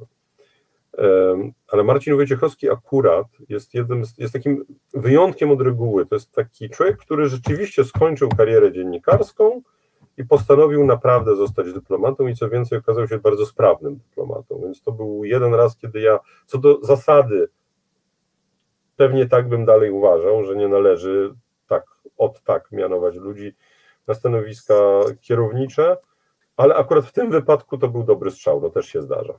Zresztą też powiedzmy, że yy, wspomniany już tutaj Krzysztof Krajewski też w dyplomacji jest od lat 80., jeszcze przed okrągłym stołem, także to, to nie jest tak, że PiS, yy, yy, a jest w Moskwie obecnie, prawda, czyli bardzo tak. ważną, ważną y, placówką, E, to nie jest tak, że PiS e, tnie e, całkowicie wszystkich i samo. No, no, gdzieś tam jakieś rozsądne nominacje ma. To, co też jest ważne, żeby właśnie, właśnie żeby pamiętać, że, że, że metoda en bloc po prostu wszystkich, że byłaby bez sensu. Tak, tak ale, wiesz, ale, Paweł, ale jest jeszcze jeden, ale jest jeszcze jeden bardzo ważny element, no bo my rozmawiamy w piątek, ja w poniedziałek lecę do Berlina na, na taką debatę polsko-niemiecką. Ja w czasie tej debaty E, zamierzam powiedzieć, że ja się czuję zakłopotany, zawstydzony e, antyniemiecką e, retoryką, która płynęła przez ostatnie 8 lat z Warszawy pod adresem Niemiec. Jest mi wstyd za słowa, które no, padały. No dzięki, ktoś to powinien powiedzieć, dziękuję. Okej, okay. to, by, to będzie pierwsza część mojej wypowiedzi. A w drugiej części powiem, że mm, za tymi słowami tak naprawdę nic nie szło. E, a jeżeli spojrzeć na drugą stronę równania, czyli tą niemiecką, to tam nie padały obraźliwe słowa, wszystko było jak trzeba, ale Nord Stream 2 budowali, e, sprzeciwiali się wzmocnieniu wschodniej flanki NATO. Kiedy wybuchła wojna, e, grali na klęskę Ukrainy i nic nie byli gotowi dostarczać, nie tylko przez pierwszy tydzień, miesiąc albo kwartał, ale przez pierwsze pół roku. E, pchali w, e, przepychali w Brukseli politykę mm, e, klimatyczną i energetyczną, która wprost uderzała w polskie interesy. Więc mówiąc krótko, mm, PiS używał twardo nacjonalistycznej retoryki, która mnie zawstydza i która była bardzo niewłaściwa, ale jeżeli ktoś prowadził nacjonalistyczną politykę, nie słowa, nie gadanie, politykę, to niestety Niemcy. Ja bym bardzo chciał, żeby teraz ci, którzy przyjdą do władzy, e, zmieniając retorykę, nie powiedzieli, no to teraz już się kochajmy, wiecie, jesteście tacy fajni, tacy europejscy w ogóle wow, super jesteście. No nie. I tak mam taką prośbę, jak będziesz na tej e, konferencji i tam będą takie tabliczki, nie, że z nazwiskiem, to przywieź mi tą tabliczkę Widot Jurasz Der Onet. Dionet, mój drogi, dlatego że ja pracuję w firmie, w której jest więcej kapitału amerykańskiego, a nie niemieckiego, ale rozumiem, e, że tak powiem, e, e, twój, twój, twój żart. Dobra. Słuchaj, ja, wolę, żebyśmy... ja wolę Hersito. Ja teraz chcę, żebyśmy pogadali trochę już nie o polityce, a o ludziach w Białorusi. No to jest bardzo Mm, no to ty tak powiedziałeś, wiesz, że, że, w tym 2020 roku to w zasadzie nie było tego okresu, wiesz, takiej nadziei i wolności. No moim zdaniem jednak był, wiesz, bo pamiętam z, z gazet światowych po prostu, wiesz, wielkie zdjęcia, jakieś tam nadzieje i tak dalej, tytuły. No, no, no to nie było tak, że było y, przegrane wybory, ludzie wyszli na ulicę, a my mówiliśmy od razu, uuu, spałują i tak dalej. Kilka dni czegoś takiego było, wiesz, że, bo może to Dlatego, że chodzi, czy została w tamtych ludzi jakaś po prostu y, złamana nadzieja, czy od razu to, tej nadziei nie było. No, wydaje mi się, że, stała, że była złamana nadzieja. I tak myślę po prostu, jak ludzie z tym dalej żyją po prostu, wiesz, y, y, co to było? Czy to była jakaś taka, mm, taki romantyczny zryw, y, bardzo krótkie powstanie warszawskie, przed proporcją Gardę, y, czy, czy co? I czy ludziom, czy do czego się odwołuje, wiesz, Ciechanowska, tak? Do jakiej wolności? Do, jak, jak wygląda ludzie, y, życie ludzi y, trochę zainteresowanych polityką? Masz kontakty z Białorusinami na pewno, więc, więc mm, te ostatnie lata, jak to, zresztą nie wiem, czy to można bez kontekstu wojny powiedzieć. E, no, no źle żyją. To jest po prostu. E, mm, e, wszystko dzisiaj, znaczy cała Białoruś jest dzisiaj no niestety państwem już takiego twardego autorytaryzmu. Yy, stopień terroru policyjnego jest zupełnie niebywały, oszalały wręcz.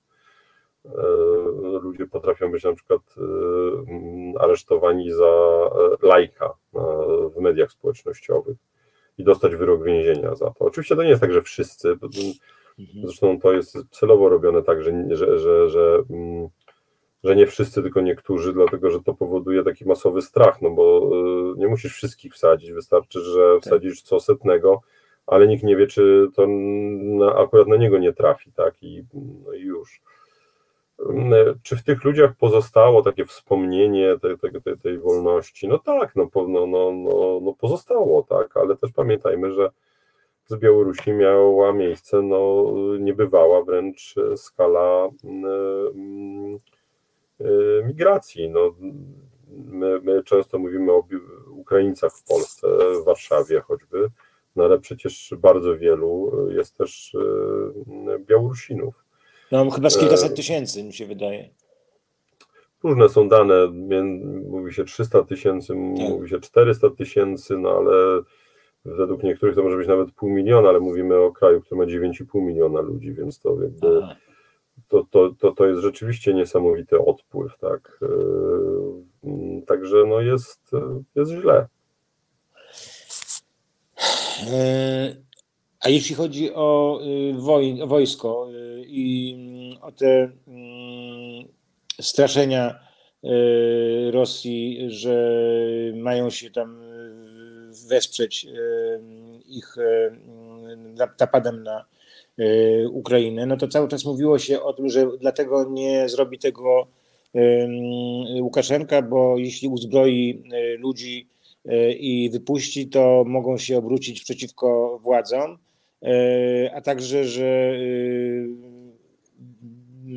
po przejściu na, na stronę na, przez granicę ukraińską wcale nie muszą, czy no, raczej nie, nie wiadomo, czy będą walczyć e, z Ukraińcami.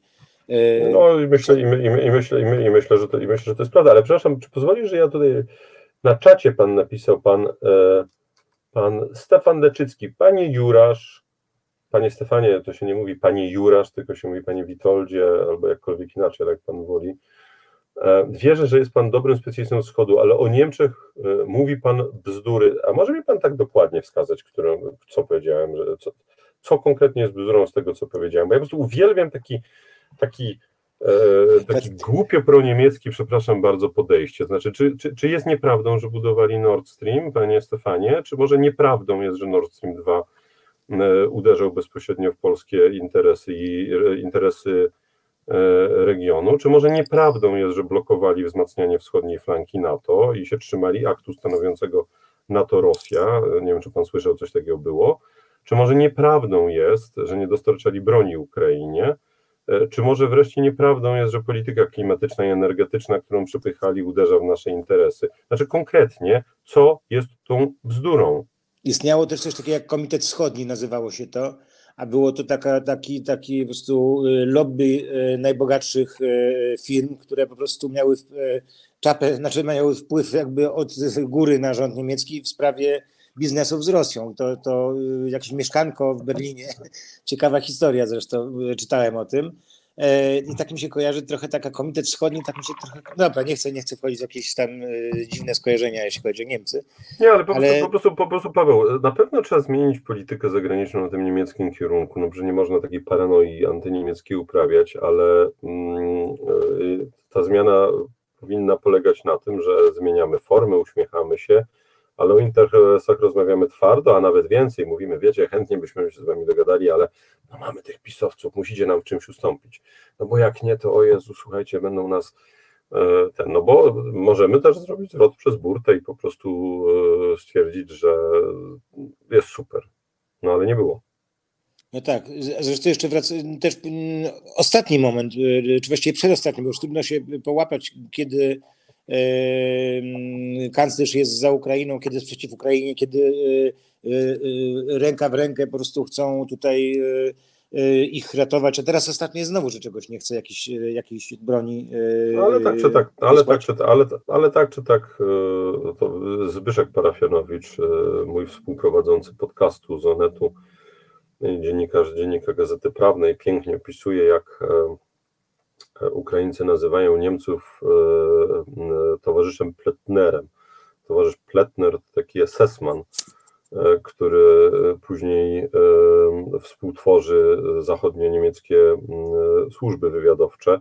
Czyli mówiąc krótko, Ukraińcy są mądrzejsi od nas, bo doskonale rozumieją, że Niemcy zmienią front w którymś momencie. No właśnie, bo, też, bo też wiesz, Nord Stream 2 to, to czasy sprzed jeszcze y, zniszczenia tego i przed y, wybuchu wojny, ale y, teraz, w tym czasie, kiedy PiS rządził w Polsce, a tam nowy, nowy rząd, po prostu niektóre rzeczy można powiedzieć, że one były dlatego, że wynikały przez głupoty, czy brak jakiegoś doświadczenia, czy wyobraźni Polski, tak? Czyli na przykład to, żeśmy wy, po prostu dali sobie wybić e, e, argument, że to my powinniśmy być krajem numer jeden, jeśli chodzi o odbudowę. Ponieważ my właśnie w tym momencie, żeśmy zaczęli dla celów wyborczych walkę z Ukrainą, prawda? Bo czemu nie walczyć z Ukrainą, skoro może dzięki temu będą jakieś punkty? W związku z tym Niemcy stał na dzisiaj numer, przejęły nasze, naszą pozycję numer jeden w sprawie mm, Wydaje mi się, że Paweł, wydaje mi się, że one wcześniej przejęły, ale poza wszystkim, wiesz, ta,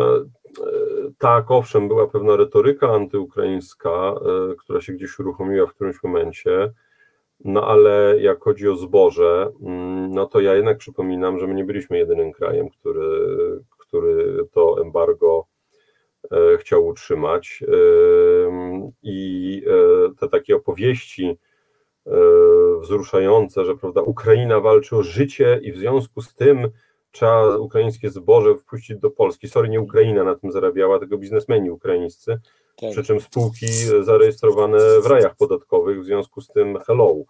I to nie były chatynki z kurką i dwoma krowami, gdzie tam wiesz, za, za, za płotkiem rośnie e, e, żyto, które było zebrane, tylko to było po prostu wielki przemysł. No to jest, to tak, jest, no, i wreszcie, jest, no, i wreszcie, no, i wreszcie, no i wreszcie też y, ja spotykałem się z jakimiś e, E, takimi wypowiedziami w Polsce świadczącymi o tym, że mm, ludzie po prostu już w którymś momencie oszaleli i po prostu się wypowiadają na tematy, których nie mają pojęcia, że prawda, no my Polsce strasznie już gramy na Rosjan, bo przecież tranzytu zboża nie ma. Nie, nieprawda. Tranzyt zboża przez Polskę zawsze był realizowany. Natomiast ja nie uważam, że Polska miała obowiązek doprowadzić e, e, cały sektor polskiego rolnictwa do bankructwa w imię tego, żeby E, e, spółki ukraińskich oligarchów zarejestrowane płacące podatki w rajach podatkowych, czytaj nie płacące podatków, zarobiły trochę więcej pieniędzy. Hello, nie.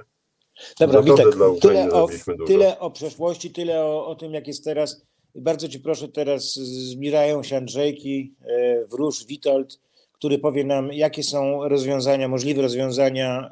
e, Oczywiście po przeczytaniu przez Ciebie różnych analiz, które, do których masz dostęp, e, no, historii e, Ukraina, Rosja, ale de facto co za tym pójdzie, Białoruś. Mm, To, to, znaczy wiemy, co No się tak, nie no stanie. nie, no tak. nie, nie, tego nie wypuszczę Cię bez tego. Dobrze, no wiemy, co się nie stanie. Eee, mm, pani jedna napisała, że pana Jurasza zawsze odbieram jako niezadowolonego ze wszystkiego. Jezus Maria, gdzie jestem niezadowolony ze wszystkiego? Ja tylko opisuję po prostu rzeczywistość. Eee, ja jestem bardzo zadowolony. Mam fajne dzieci, fajną żonę, fajne życie, fajną pracę. Eee, Z czego mam być niezadowolony? No ale jakby, więc nie rozumiem. Nie, bo akurat E, my ale- rozmawiamy na temat twoich dzieci i e, twoich kotów. Nie, ale po prostu wiesz, zawsze- zawsze tematy jakby- inne i to Nie, powoduje, ale no, zawsze nie. może, no. Zawsze mnie fascynują po prostu takie, takie ten. Ale dobrze, y, lecimy dalej. Wiemy, co się nie stanie. Wiemy, że y, Rosja nie wygra wojny i wiemy, że Ukraina nie wygra wojny. W takim znaczeniu, że ona nie odbije wszystkich y, terytoriów y, okupowanych przez y, Rosję. Em, y, Problem polega na tym, że w Polsce pojawiła się taka narracja, że jak Ukraina nie odbije wszystkich terytoriów, no to to jest już klęska, koniec, katastrofa yy, i, yy, i zdrada Zachodu. To powoduje, że ja się czasami zastanawiam, czy ci, którzy mm, mm, tak mówią, e, to mówią tak, bo są tak bardzo naiwni, czy też mówiąc krótko, gdzieś w tle jest e, rosyjska propaganda, Bo jeżeli ktoś e, chciał, żebyśmy właśnie byli taki rozedrgani pomiędzy tym takim, prawda, albo będzie super, albo już w ogóle katastrofa, no to to są Rosjanie, bo nieuchronnie to nas prowadzi właśnie do takich defetystycznych, w efekcie antyzachodnich e, uwag, które nie mają żadnego sensu, bo nie można mówić o zdradzie Zachodu w sytuacji, w której gdyby nie Zachód, to by Ukraina dawno żadnej wojny nie toczyła, bo by się jej amunicja skończyła artyleryjska. Mm, Czyli to są niestety dwa musimy, musimy niestety przyspieszać, bo ja nie, Dobrze, okej, zegara. szybciutko. Tak, do, dosłownie to dwie minuty. No to albo będzie konflikt zamrożony, e, czyli taki ni, ni, pies, ni wydra, coś na kształt świdra, e, niepokój, nie wojna, e, albo będzie pokój. Zakładam, że Rosjanie będą raczej woleli rozwiązanie to pośrednie, czyli takie właśnie taki zamrożony konflikt bez formalnego zakończenia wojny. Wszystko to nie zmienia faktu, że nie udało im się zrealizować swoich celów. E, I co jest najważniejsze, Ukraińcy dzisiaj e, Rosjan e, szczerze nienawidzą. I ja wiem, że to nie- niedobrze brzmi, ale mnie to bardzo cieszy. Dobrze, dziękuję Ci bardzo. y, Bardzo dziękuję widzom. Bardzo przepraszam Piotra Szumlewicza i Wojtka Krzyżeniaka, że y, spóźniliśmy się. Po prostu y, gdzieś mi zginął zegar.